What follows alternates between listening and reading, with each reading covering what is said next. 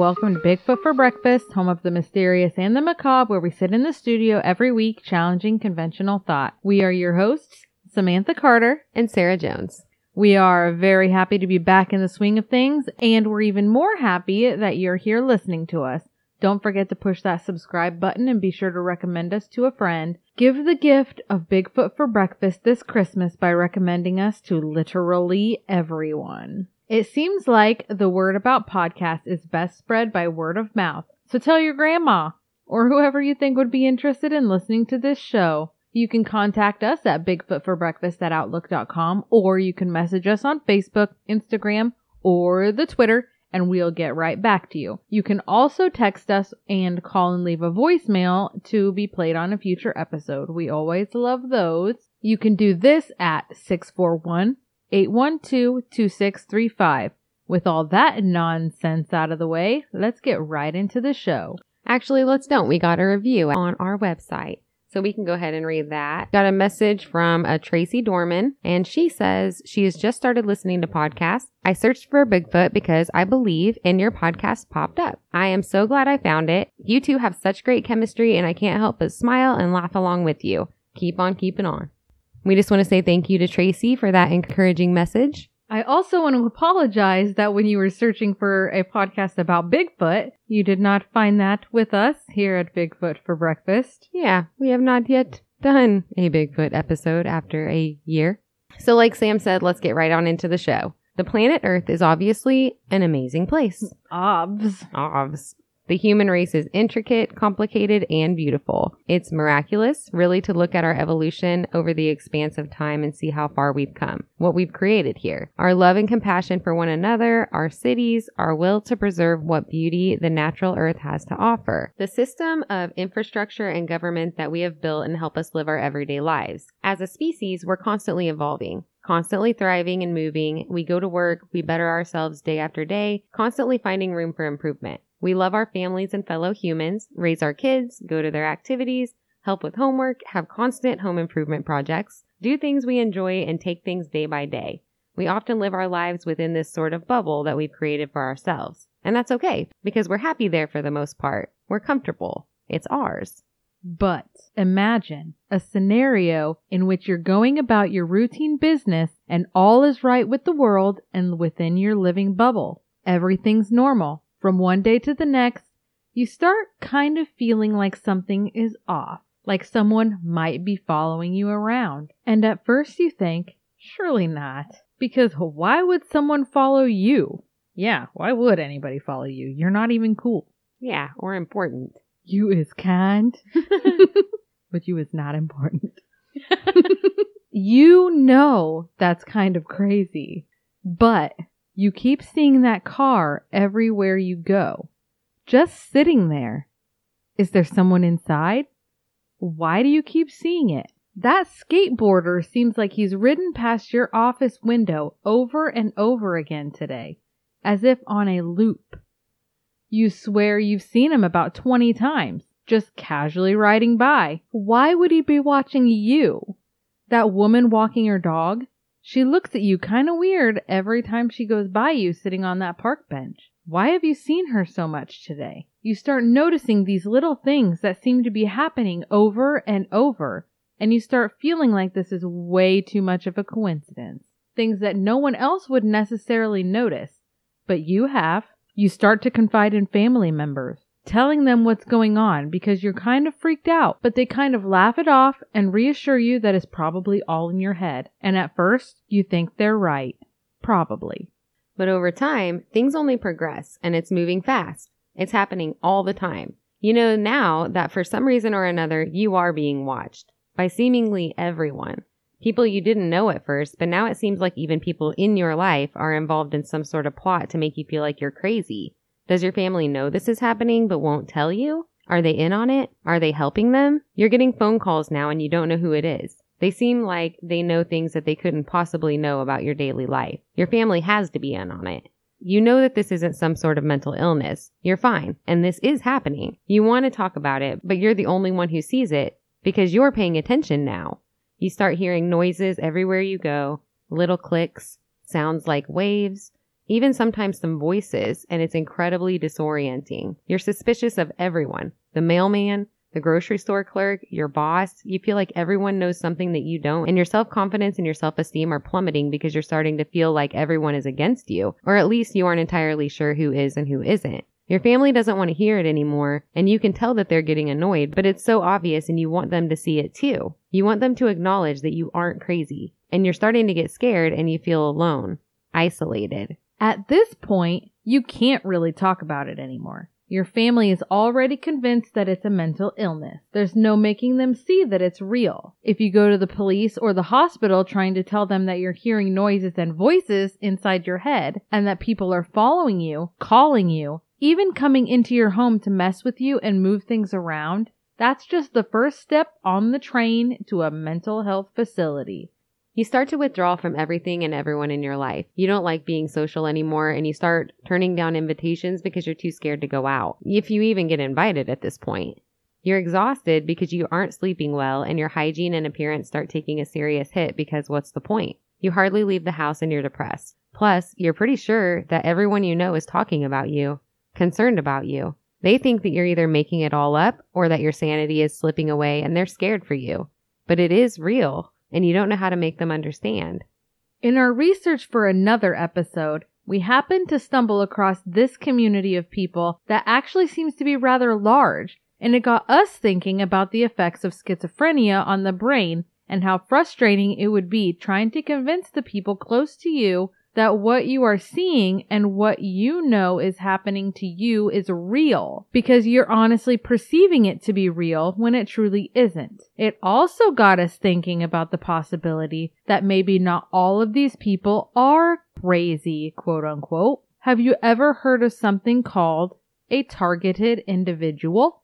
Well, we really hadn't either. But let's take a deep dive into the world of the TIs. We've read about, heard about, and watched documentaries about different government programs that had been present in the past from various branches of the government and military. MK Ultra was supposed to be nothing more than a crazy conspiracy theory for the longest time, but that turned out to be real, and that's just one example. There are lots of others that were initially dismissed as hoaxes or conspiracies and then come to find out 100% real. Why couldn't we just entertain for a moment that maybe there are groups of people associated with the government or not who are implemented in the business of behind the scenes attacks in order to make a person appear to be mentally ill, discredit them, and maybe even kill them for one reason or another. Like we said, it could be that they're a witness in a case, some sort of whistleblower, anything. Some people seem to be targeted completely at random. Some say that they think they're part of a government mind control experiment similar to MK Ultra. Who knows? All we can tell is that there is a community of people who claim to be targeted individuals, and it's gotten pretty big. Sure, some of them are likely untreated schizophrenics or mentally ill, but maybe some of them are telling the truth, and this is really happening. It's really a big phenomenon with a lot of intricate parts, so we feel compelled to discuss it. The online community that we mentioned earlier is comprised of a pretty astounding number of people, and it isn't even limited to the online format. There's actually a conference held every year by these people. There are various support websites all over the place and originating in many different countries. There is a worldwide phenomenon and it consists of some people who have been diagnosed with schizophrenia, past government officials, government and military whistleblowers, people of this nature. The vast majority of them assert that they are not mentally ill. Think about it. If you were listening to someone tell you that the government was after them, people were following them, and harassing them, that their house had been bugged and nanotechnology chips had been implanted within their bodies to track them and to mess with their thought process, what would your immediate thought be? That the person that you were listening to was mentally unstable, right? Not that maybe they were telling the truth, but what if they were? They would literally have nowhere to turn if something like this were to truly happen to them. They would immediately be written off as crazy and likely end up with an involuntary committal to a mental health facility. No doubt. So this would truly be a very hopeless situation for a person enduring this. Add on top of this not only the idea of gang stalking performed on behalf of the government, bugging and chipping that the person described frequently hearing voices inside their head. That would be enough to send it over the top for you, right? This person has to be mentally ill. These are all classic signs, but not so fast. We're going to explore this quite a bit deeper and find out if claims like this are really so outlandish after all. Bear with us. There's a lot of information and history to unpack here. Thousands and thousands of people all over the world are experiencing this phenomenon. We all know about it. It's pretty easily diagnosed. This is often the start of what we all know as paranoid schizophrenia, classic early warning signs of what will soon become a full blown mental disorder that is complex and incredibly serious. People with no history of mental illness, childhood trauma, drug abuse, or anything of this nature can suddenly develop the disease and there's no stopping it. This is devastating and true, but it's also got to be true that some of these people who adamantly claim that they do not have a mental illness possibly don't. If you really think about it, if a person was evil enough, dedicated enough, and compelled enough, they could manifest those thoughts and symptoms in another person to an extent, making them appear to be mentally compromised. Imagine if there was a group of people who were being paid or compensated in some way to create this scenario for a person who has been targeted, say by the government, or by a corporation looking to avoid a lawsuit, or maybe a wealthy socialite with connections trying to avoid a sexual assault allegation. Maybe the murder for hire trend is not not the only way to get rid of a witness against you. You already know that when people start talking about being followed, hearing voices, people being after them, it's pretty quickly dismissed as a mental illness. It's not like anyone will typically take these claims that seriously and investigate it. It's schizophrenia, right? Maybe it would be easier to hire a group who specializes in this sort of thing to drive your witness crazy, or at least make them appear to be so. No one would even look into it. This would discredit them pretty quickly, and it would be pretty effective for your agenda if it looked like that person had a mental health issue and it wouldn't be that hard to get away with. The hearing voices in your head claim is definitely not a new one. And we know what you're going to say. Neither is schizophrenia. But hear us out. There are references in the Bible of disembodied voices and voices heard by one person and no one else when many others were around. Joan of Arc was burned at the stake when she claimed this very thing and was seen as a heretic. She said that the voices guided her throughout her life to become the influential person that she eventually did. On the other hand, serial killers will often claim that the voices told them to do it. These targeted individuals often claim feeling disorienting energy that causes strange symptoms and sounds in their head, even sometimes voices, along with gang stalking. Gang stalking has been a thing for a pretty long time. Obviously, you might not be old enough to remember the Berlin Wall that divided East and West Germany. So when East and West Germany split up, East Germany had their citizens kind of locked down and they were not allowed to leave. They weren't even allowed to travel to and from. They weren't allowed to go into West Germany. And they had set up a list where civilians could sign up to become spies for East Germany. And basically, they would just be compensated monetarily to spy on anyone, anyone in their family, neighbors, friends, anyone who talked about defecting from East Germany. They would be reported and then they would be put on a list themselves for a process called Zersetzung in Germany. And this word actually meant degradation or decomposition, if that tells you anything. So they would send people out and basically bother these people and bother these people. And they would harass their employers. They would harass the people at their children's schools. They would get them fired from their jobs. They would get their kids kicked out of school harass their neighbors and their banks their financial institutions would cut them off. And then they would have no jobs so they wouldn't be able to pay for their houses. They would end up kicked out of their houses. Basically the government would strip them of everything if they seemed like they were trying to defect from east germany. And the police actually implemented this. So this has actually been going on, or things like this have been going on for a long time. And these are governmental programs, not necessarily in America, but all over the world. There are different things like this in more strict countries. So basically, they would just harass them and destroy their lives enough to where they ended up just doing what they were supposed to do. They just toed the line and followed all the rules of the East Germans. So big corporations and governments doing things like this, it's not necessarily out of line for that to happen. It's happened before in the past. On another note, there is also a program out there that is incredibly persistent and strange. So apparently this group called Roca targets young people who have been in and out of trouble are members of gangs, dealing and doing drugs in bad neighborhoods. They pick people out of this demographic and choose to help them straighten out, pretty much by force, without the person's consent or willingness to even participate in such a thing. They follow these subjects around, show up unannounced, show up at their drug houses, their places of work, everywhere, trying to constantly help them lead a better life. The subjects will often ask them to leave them alone, yell profanities at them, spit at them, straight up sometimes go after them physically, but they will not back down. This group uses gang stalking tactics in order to break people down. A police officer describes them as relentless and persistent and states, once they grab onto you, they won't let go. On a TED Talk, a woman associated with this group named Molly Baldwin speaks about the group. She talks about how the group started almost 30 years ago. They go to different cities, talk to the cops, and generally ask them for a list of the 50 people in the area that they arrest the most, and then they get to work. They hit the streets and find them.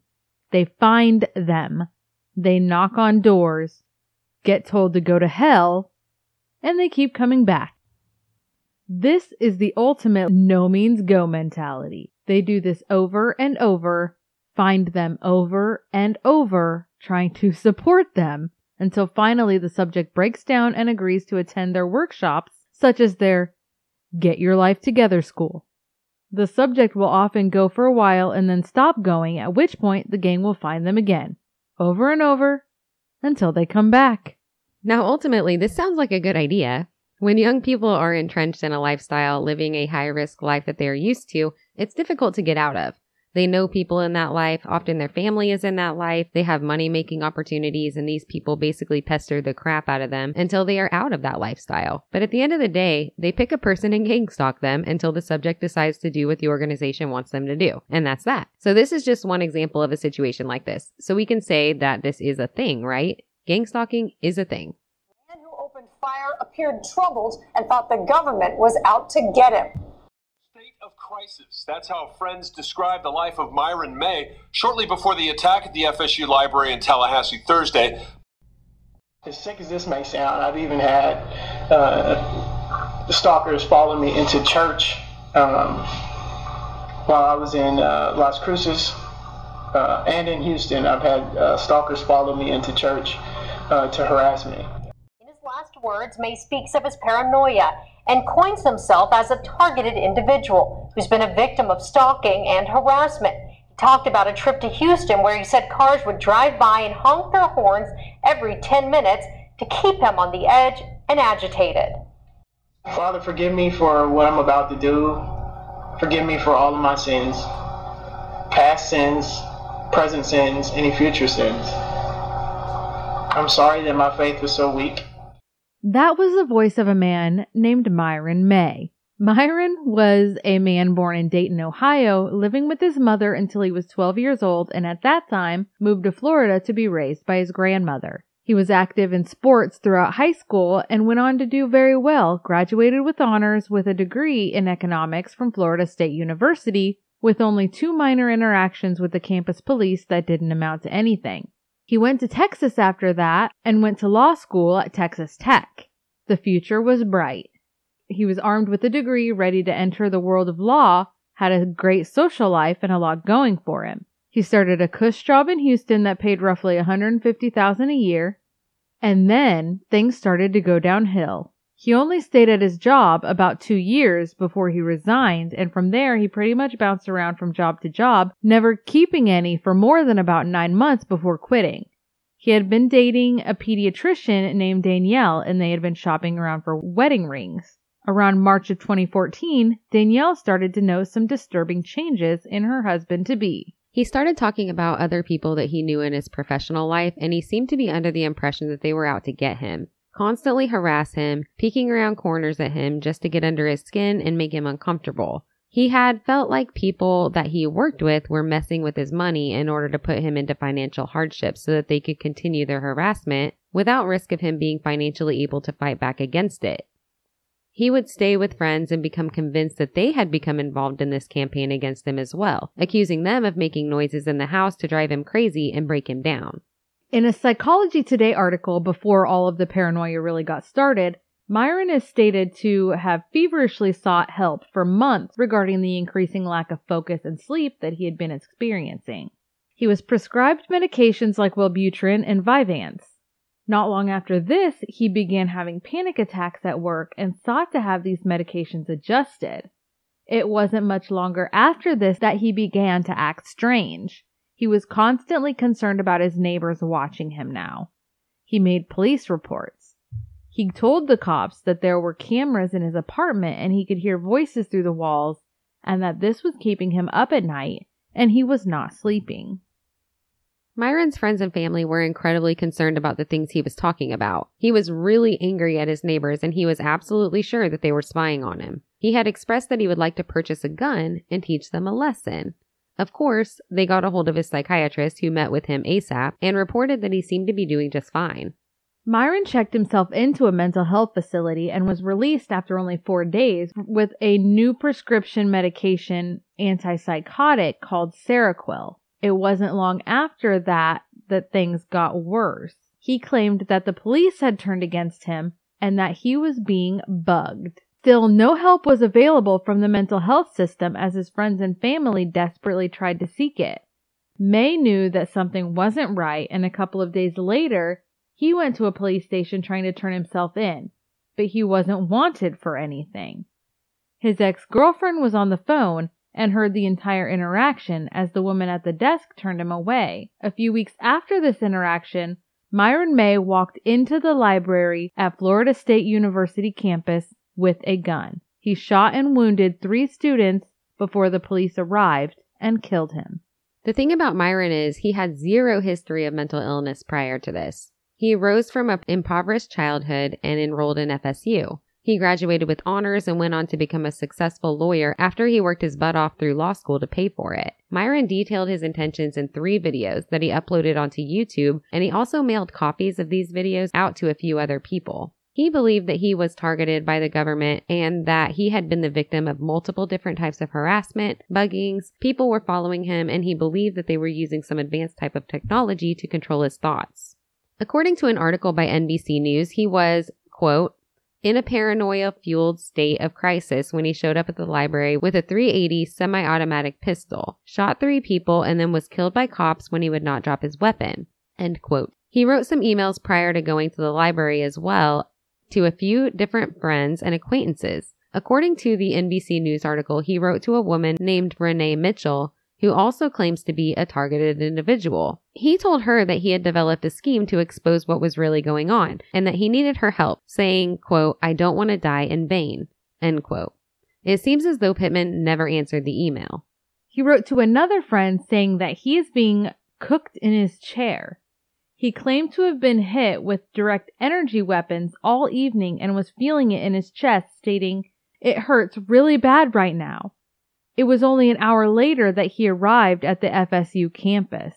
Reports from friends and family indicated that he didn't trust the police. He thought his phone was bugged and thought there were cameras in his car. He wasn't sleeping. Another weird thing is that he sent messages to various friends saying that they would be getting packages from him.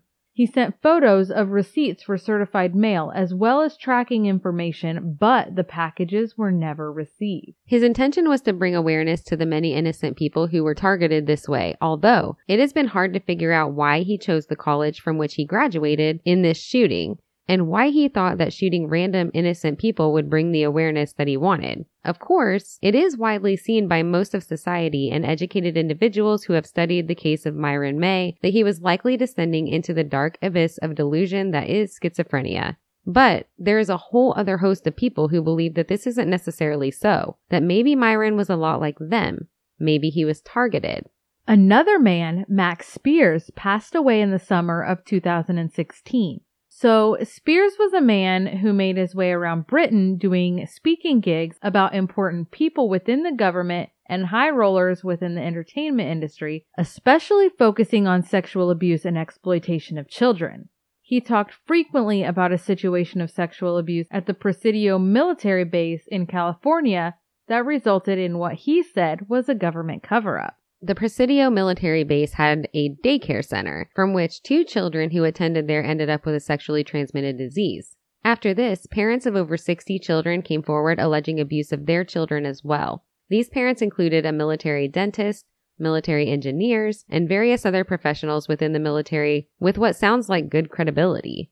Long story short, it sounds like very young children were making claims about a man at the daycare and there was medical evidence of rape and STDs in these young kids. The Army seemed in no hurry to bring charges, and despite multiple claims and evidence, refused to bring charges for more than only a single incident of abuse. As more children started talking, they were mentioning more and more people from the daycare and even other locations. Despite more and more claims of other culprits, the Army and court kept ignoring them claiming that all of the victims had been identified and that the daycare center was safe. All charges ended up being dropped. Apparently, come to find out, the Army had dealt improperly with many issues involving sexual abuse of children for years prior to this one. These were the types of things that Max Spiers was addressing. He also talked about the people ruling the world from behind the scenes, the people that he referred to as the unseen. Basically, our version of the New World Order. He talked about being part of a super soldier program when he was a child and that he was one of 40 of these kids who had been trained from birth to fight the unseen. If we disappear after this, it's super sus, guys. Max Spiers said that too.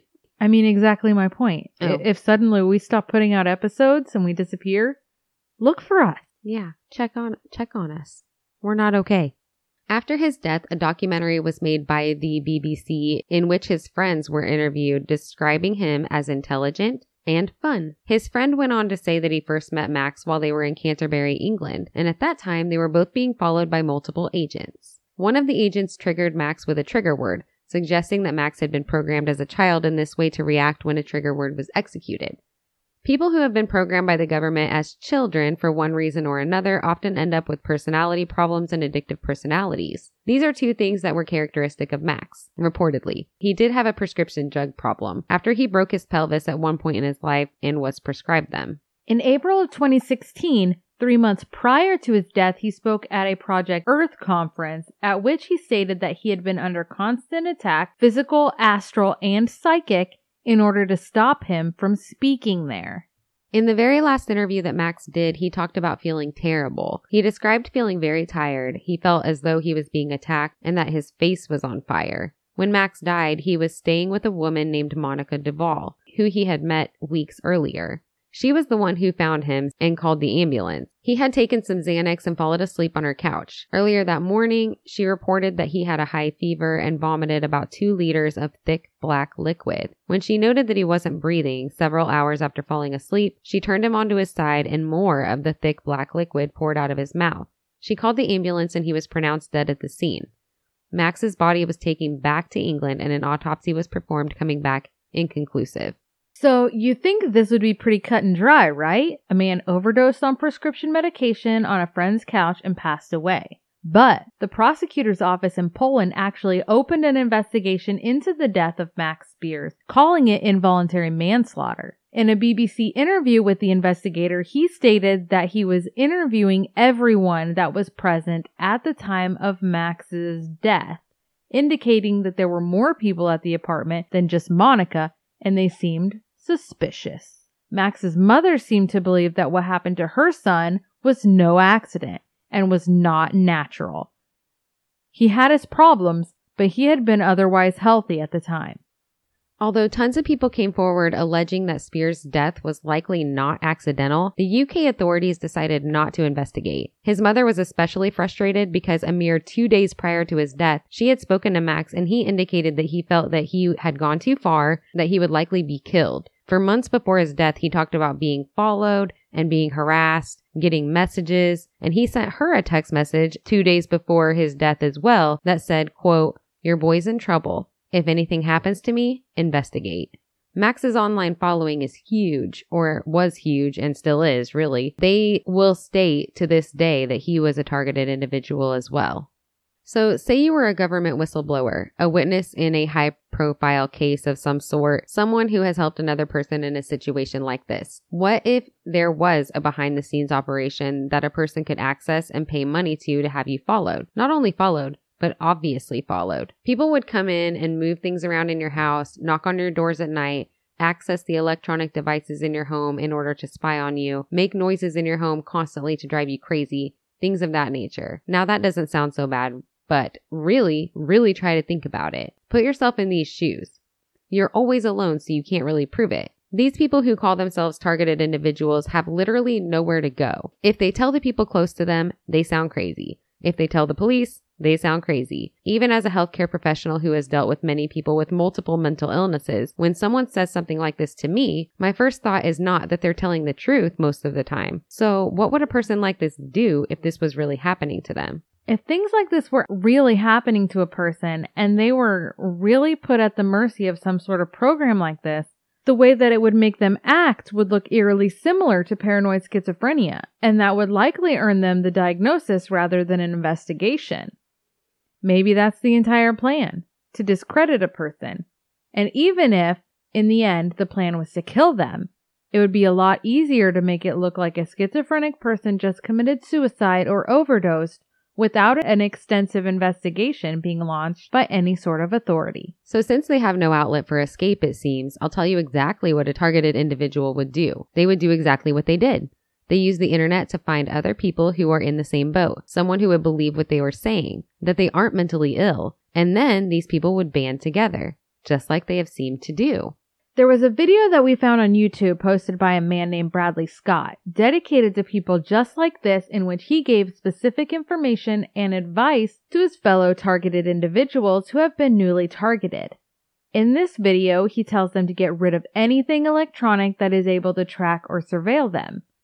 The most important thing is to get used to not taking your phone with you when you leave the house and keep apps off your phone that track people's online movements such as Facebook Messenger. He advises them to be unpredictable in their behavior. Leave the house at different times if you can and don't get deep into your habits. Keep as much money as you can and don't buy frivolous items. Keep your closest relationships in good standing. If you're going to talk to someone about what's happening to you, try very hard to present this information in the most sane and reasonable way possible. The entire goal of the targeting is to make you feel and to make it appear to others that you are mentally ill and not credible. Beyond that, he advises you not go to the police. It is impossible to describe what's going on with you without making it sound like you simply have a mental illness, and they will always allude to that before they believe you.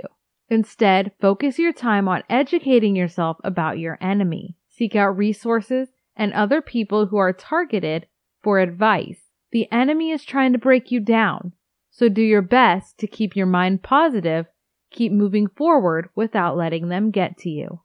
Another man named Marshall Thomas armed with a PhD, made a video that sounds almost like he thinks that it is more of a game. He states that the entire thing is conducted through United States intelligence agencies, DARPA, Stanford Research Institute, Los Alamos National Laboratories, and a few really big corporations. They target people who are usually political whistleblowers or some kind of activists with relatively high intelligence who have been or have the potential to become threatening. This game uses incredible technology to track the subject everywhere they go. Attacks on the subject are taken out using microwave technologies and incredibly intense and tireless stalking methods. The end usually results in the death of the subject either from exhaustion or from ionizing radiation due to the microwave weapons that are aimed at and placed around places in which the subject normally frequents their car, their home, and their work.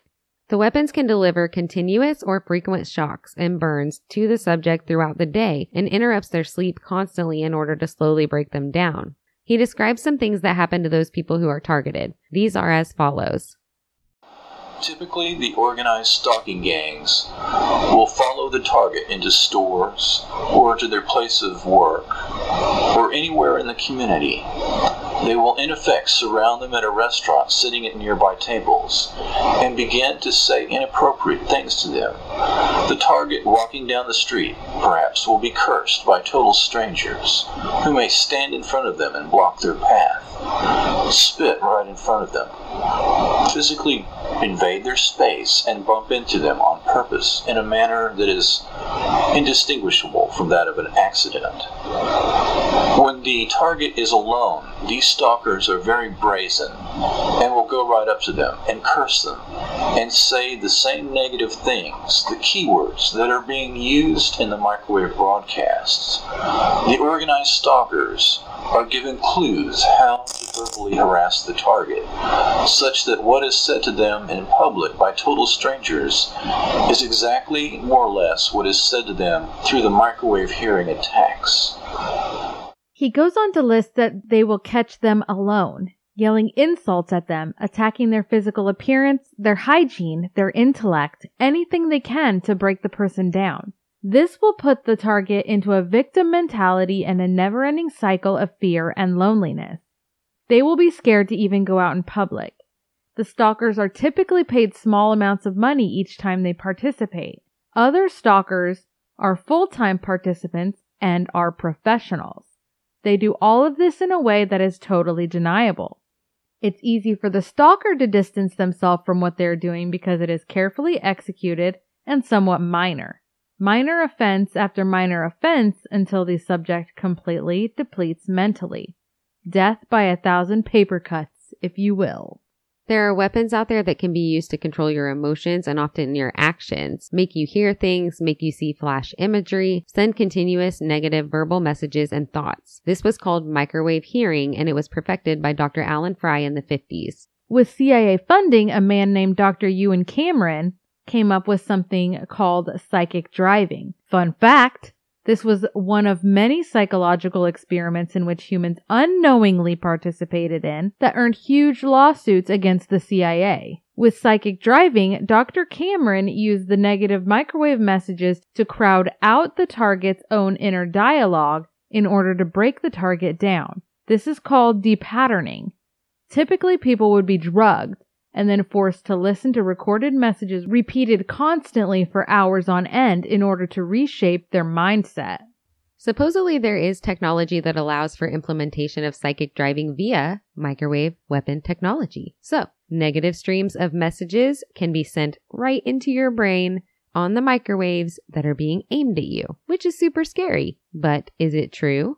Does this exist? We are not sure. But we do know that technology that was once considered to be outlandish and conspiracy laden has turned out to be very real in the past.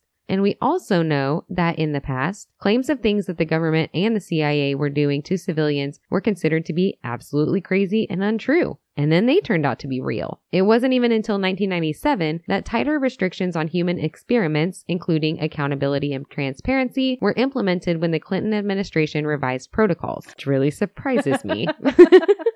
as far as mind control and mind altering weaponry, which are considered to be non lethal weaponry. There are treaties between countries that demand transparency for things like this because it's kind of an unfair war tactic that should only be used in certain situations. This really came about after the incredibly psychologically abusive Cold War tactics came to light. It's obviously an international concern, so it's difficult to discount things like this. Is there proof of this? Maybe, but we'll get to that here in a little bit. According to many of these targeted individuals, in addition to all of these mind altering methods taken out on the subject, the gang stalking tactic that we talked about earlier often goes hand in hand with this. Organized gang stalkers use the internet and their cell phones to locate the target and continuously mess with them to further break down their mind. This is so relentless that it drives the person away from their family and friends, often out of their own community and safety net, with the combination of this and the implementation of microwave technology feeding negative thoughts into your mind and causing great deals of pain, eventually it is typical for the subject to commit suicide.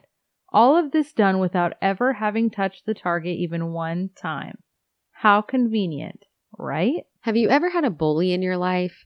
Maybe one of those elementary school bullies who would do little things to you that wasn't necessarily notable to the teachers or to your peers, but that you definitely noticed. Hitting you in the hallway with a book or accidentally tripping you, giving you dirty looks when no one is looking or saying mean things to you when no one is around and then acting super nice when you are among people. I think we've all encountered someone like this at some point in our lives. The way that they do it is sneaky. It's small things that build up to big feelings. But if you tell people about it, they just tell you that you're imagining it and that the person is actually really nice. They make you feel like it's your mind playing tricks on you and that you're being dramatic. But you're not being freaking dramatic. That person is an asshole. So imagine being followed around continuously by more than one, sometimes reportedly up to 20 individuals like this who are being paid to torment you. Day after day, night after night, week after week, month after month, sometimes for even years. And on top of that, them having the ability to shoot mind bullets directly into your brain. No thank you. Remember Myron May, the shooter that we talked about earlier?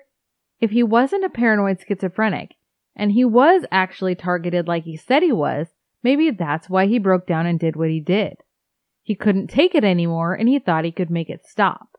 We're not justifying what he did, obviously. It's awful. And we don't know that he wasn't mentally ill. It's hard to say why he went to his alma mater and chose to shoot and injure seemingly random individuals, but we are just saying, what if some of these situations in which crazy things happen and crazy claims are made aren't what they seem to be? What if the random people were the people that were harassing him? I don't know. See, that's what I'm saying. Like, how do we, how do we know what's going on inside someone's head or like maybe behind the scenes when people say things like this?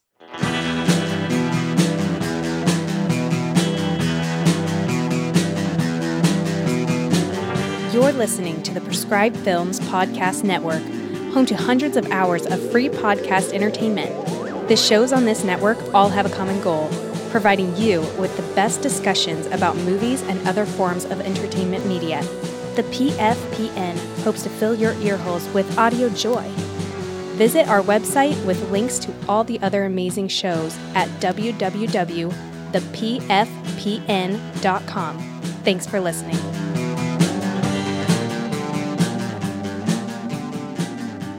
The Church of Scientology is supposedly notorious for using gang stalkers for their agenda. I'm willing to say that this is a great example because there's quite a lot of proof of this. Videos in which they're confronted and don't deny it at all. They have never even really tried to deny it. A journalist in 1976 named Paulette Cooper had written a book about the religion, and they weren't exactly happy about the publicity of this sort. They issued a campaign of gang stalking intended to drive her to suicide. They were caught, and they ended up having to compensate her for emotional damage that they caused her. Another woman named Monique Rathbun wasn't even a Scientologist, but her husband was, and he decided to leave the church and started a blog which talked crap about the Church of Scientology. After that, their home and an article about them showed up in a Scientology propaganda magazine. Then, she started getting anonymous emails threatening her and warning her that she better leave her husband.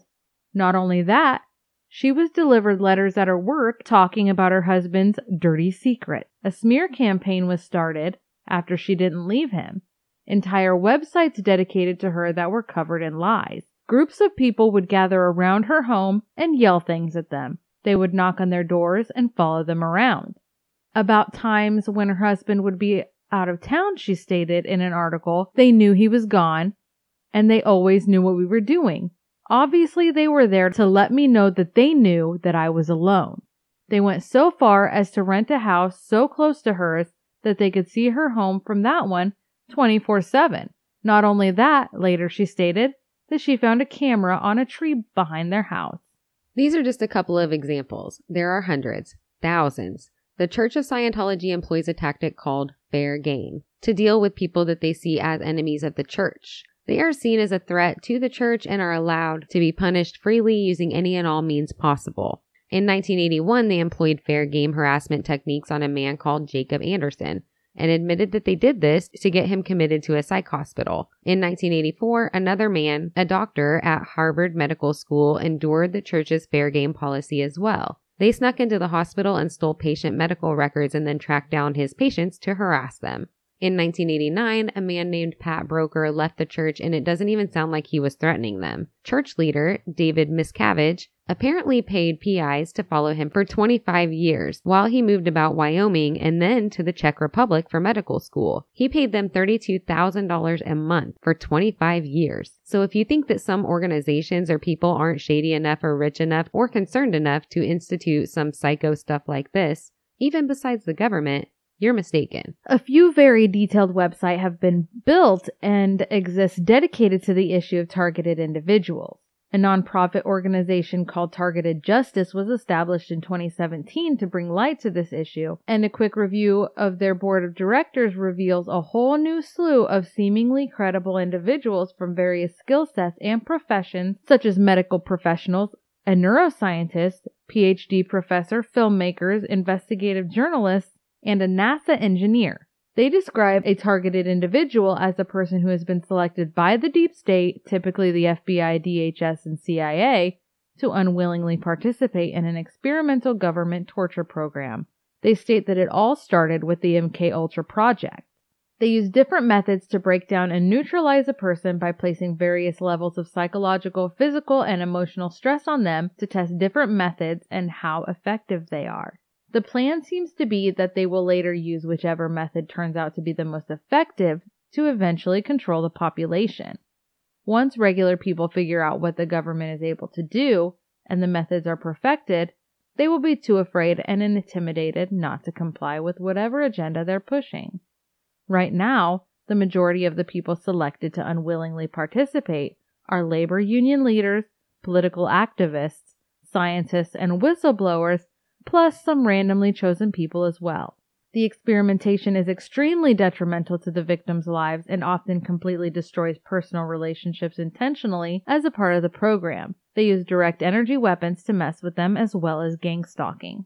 This website goes on to talk about the Schriever Air Force Base near Colorado Springs. They state that the CIA and the Air Force operates a microwave weapons program in an underground complex at this base and are able to form digital beams using the cell phone towers via the Vercator microwave satellite weapon.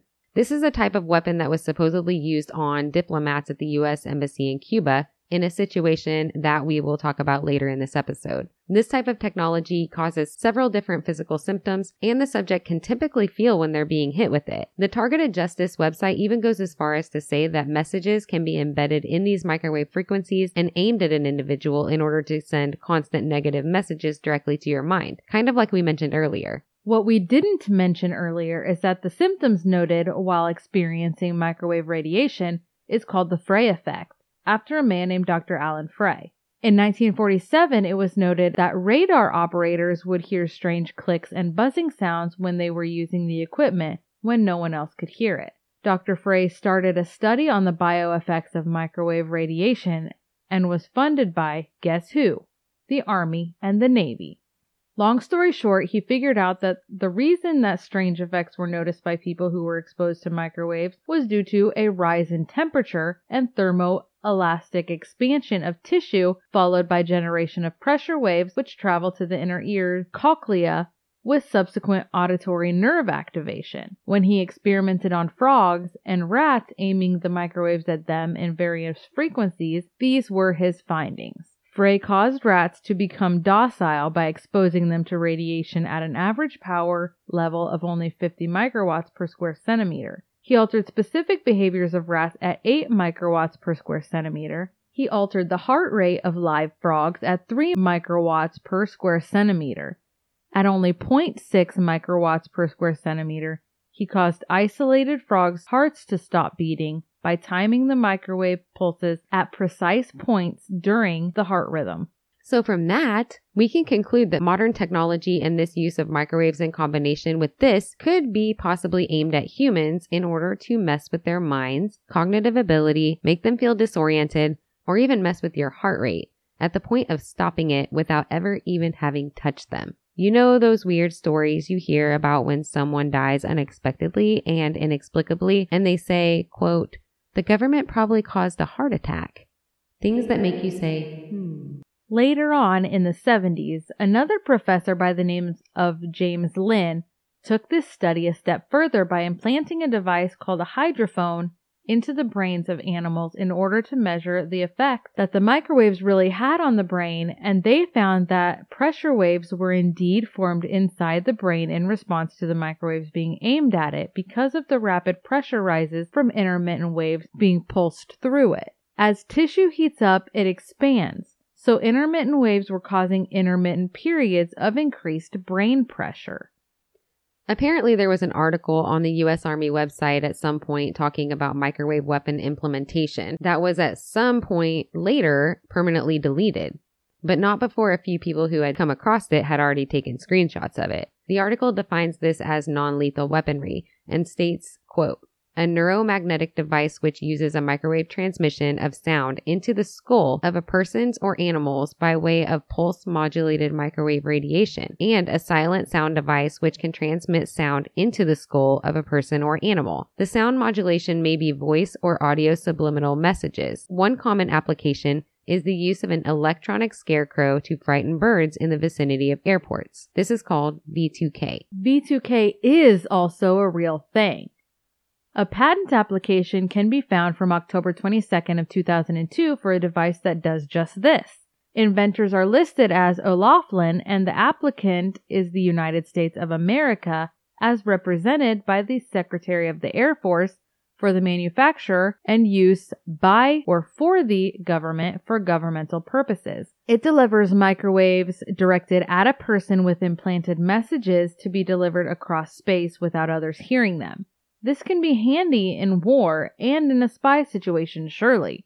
But it can also be handy if they, for whatever reason, wanted to make it seem like there were voices inside a person's head. It sounds like they started working on this technology after discovering the clicks in the 40s, thinking that they could envelope speech messages to be carried on the audio waves that the microwaves produce, but were unsuccessful for a long time. Until recently. We'll put the link to that patent in our sources so you can check it out and see what you think. At the CIA.gov library reading room website, there is a document that goes into foreign and domestic weaponry of this nature. It's called Psychic Warfare Exploring the Mind Frontier. This was written in 1988 and is the unclassified property of the US government. It talks about lots of interesting things actually, but especially applicable to our episode today is its listing of foreign psychotronic weaponry that was known to have been developed by what was the Soviet Union at that time. A few of them are listed as death radiator, brain link, brain probe, disease radiator ray, emotion radiator ray, teleporter prototype, distant telepathy, mental implantation.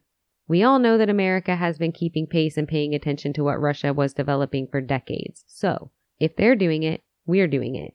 And this was in 1988. Think of the advanced technology we have now.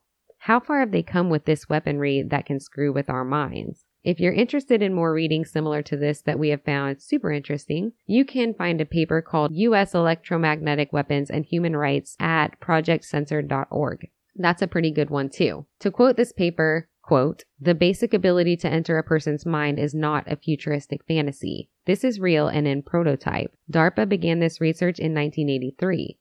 The internet has become a focal point in our lives with reliance on information and communication. Our interaction and intimacy with computers is increasingly pervasive, as is our exposure to the field of augmented cognition. DARPA does not address the implications of such symbiosis or the dilemma of the extent to which a person can or should be manipulated. The use of this technology is used for military purposes, but it may not be long until it is to, quote, improve the factory worker, prisoners, or the mentally ill. So when someone is telling you that they are hearing voices, just know that the technology actually does exist for this to happen. Even if it were unlikely that this is being used on a civilian for no reason, the government has done some weird things in the past. Imagine if you were targeted. How would you even go about telling people what is happening to you? Even if you did get people to believe you, what could you do about it? What could they do about it?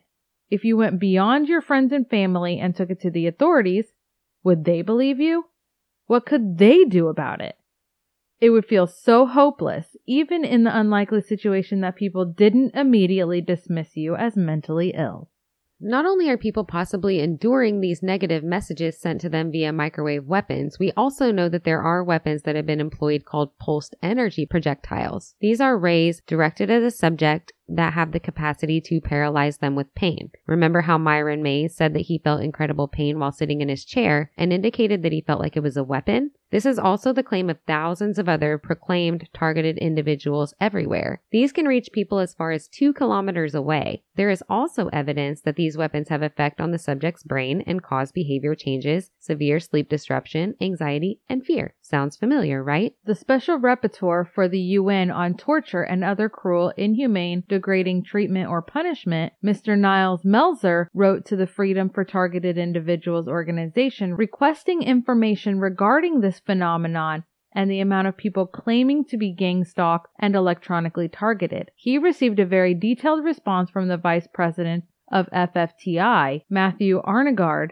and Miss Ella Free, the president of FFTI. In this letter, they claim to be representative of approximately 15,000 people in America and abroad who are victims of organized gang stalking as well as remotely delivered directed energy assault. The two of them themselves claim to have experienced and are experiencing gang stalking and energy weapon assaults as well, and this is what encouraged them in the direction of advocacy work in the cases of others. They go on to talk about the directed impulse radio frequency microwave energy weapons that are used to cause sensations of pain, impairment of muscle function, capillary damage and bruising, inflammation, burns, eye damage, heart damage, and various sensory phenomenon, which is a scientifically proven ability, although not widely used. These microwave energies are simply directed at a person from someone who is able to hide and remain unseen so that the victim is merely feeling these horrible sensations without knowing where they're coming from. They can be delivered even through walls and ceilings, citing a case in 2018 in which 21 U.S. citizens serving as ambassadors to the embassy in Havana, Cuba, at different times experienced directional energy aimed at them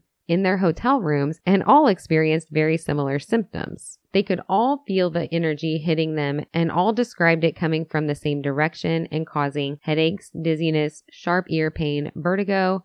They heard noises coming from different directions that many of them described as high pitched beams of sound, incapacitating sound. Others described it as a baffling sensation. There were various tests performed on these people, including CT scans that showed significant brain changes after the event as well as ongoing symptoms. There was testimony heard before the Senate Foreign Relations Subcommittee on the Western Hemisphere in which the situation was described. They stated that the diplomats serving at the embassy complained about hearing strange noises and unexplained physical symptoms. The investigating department medical professionals described the symptoms and CT results as what appeared to be what one would diagnose as mild traumatic brain injury or concussion and aligned with mild traumatic brain injury or trauma of a non natural source. This was not the only time this was said to have happened. It is speculated widely by various experts that this was some sort of direct energy weapon aimed at these people who were working at the embassy, and a few more attacks happened afterwards, and they even thought that it had likely happened a few other times before, as early as 2016 in Havana on embassy personnel, at the diplomatic residences, and at hotels based on a few past reports. They ended up evacuating 24 confirmed victims from Havana, so I'm guessing that the evidence was more than enough to take it seriously. This is just one example of things like this happening, so it isn't as though weapons like this don't exist. If you're ever in a position to hear a person tell you that they feel as though they have been targeted by a strange weapon shooting microwaves at them in order to make them feel disoriented, it may sound far fetched and crazy. It certainly may be possible. If they're being used in this way, directed at embassy personnel, why would it be unreasonable to think that it wouldn't be in the hands of a domestic people in the United States to target whistleblowers and party defectors on either side? Maybe it's crazy. Maybe it's not. I can't help but throw in this idea that I had while researching this. Remember our very first episode about the nine hikers who died at Dyatlov Pass?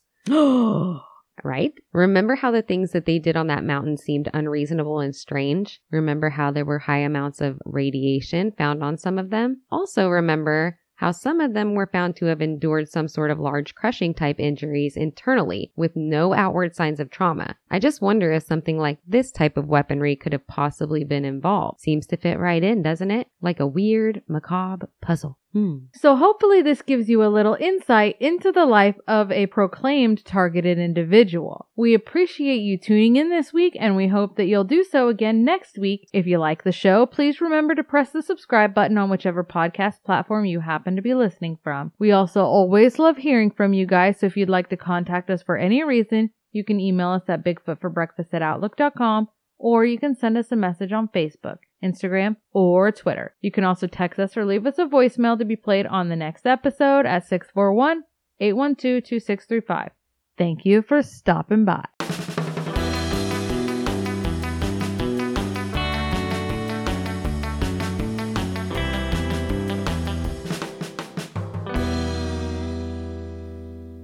Come at me, bro.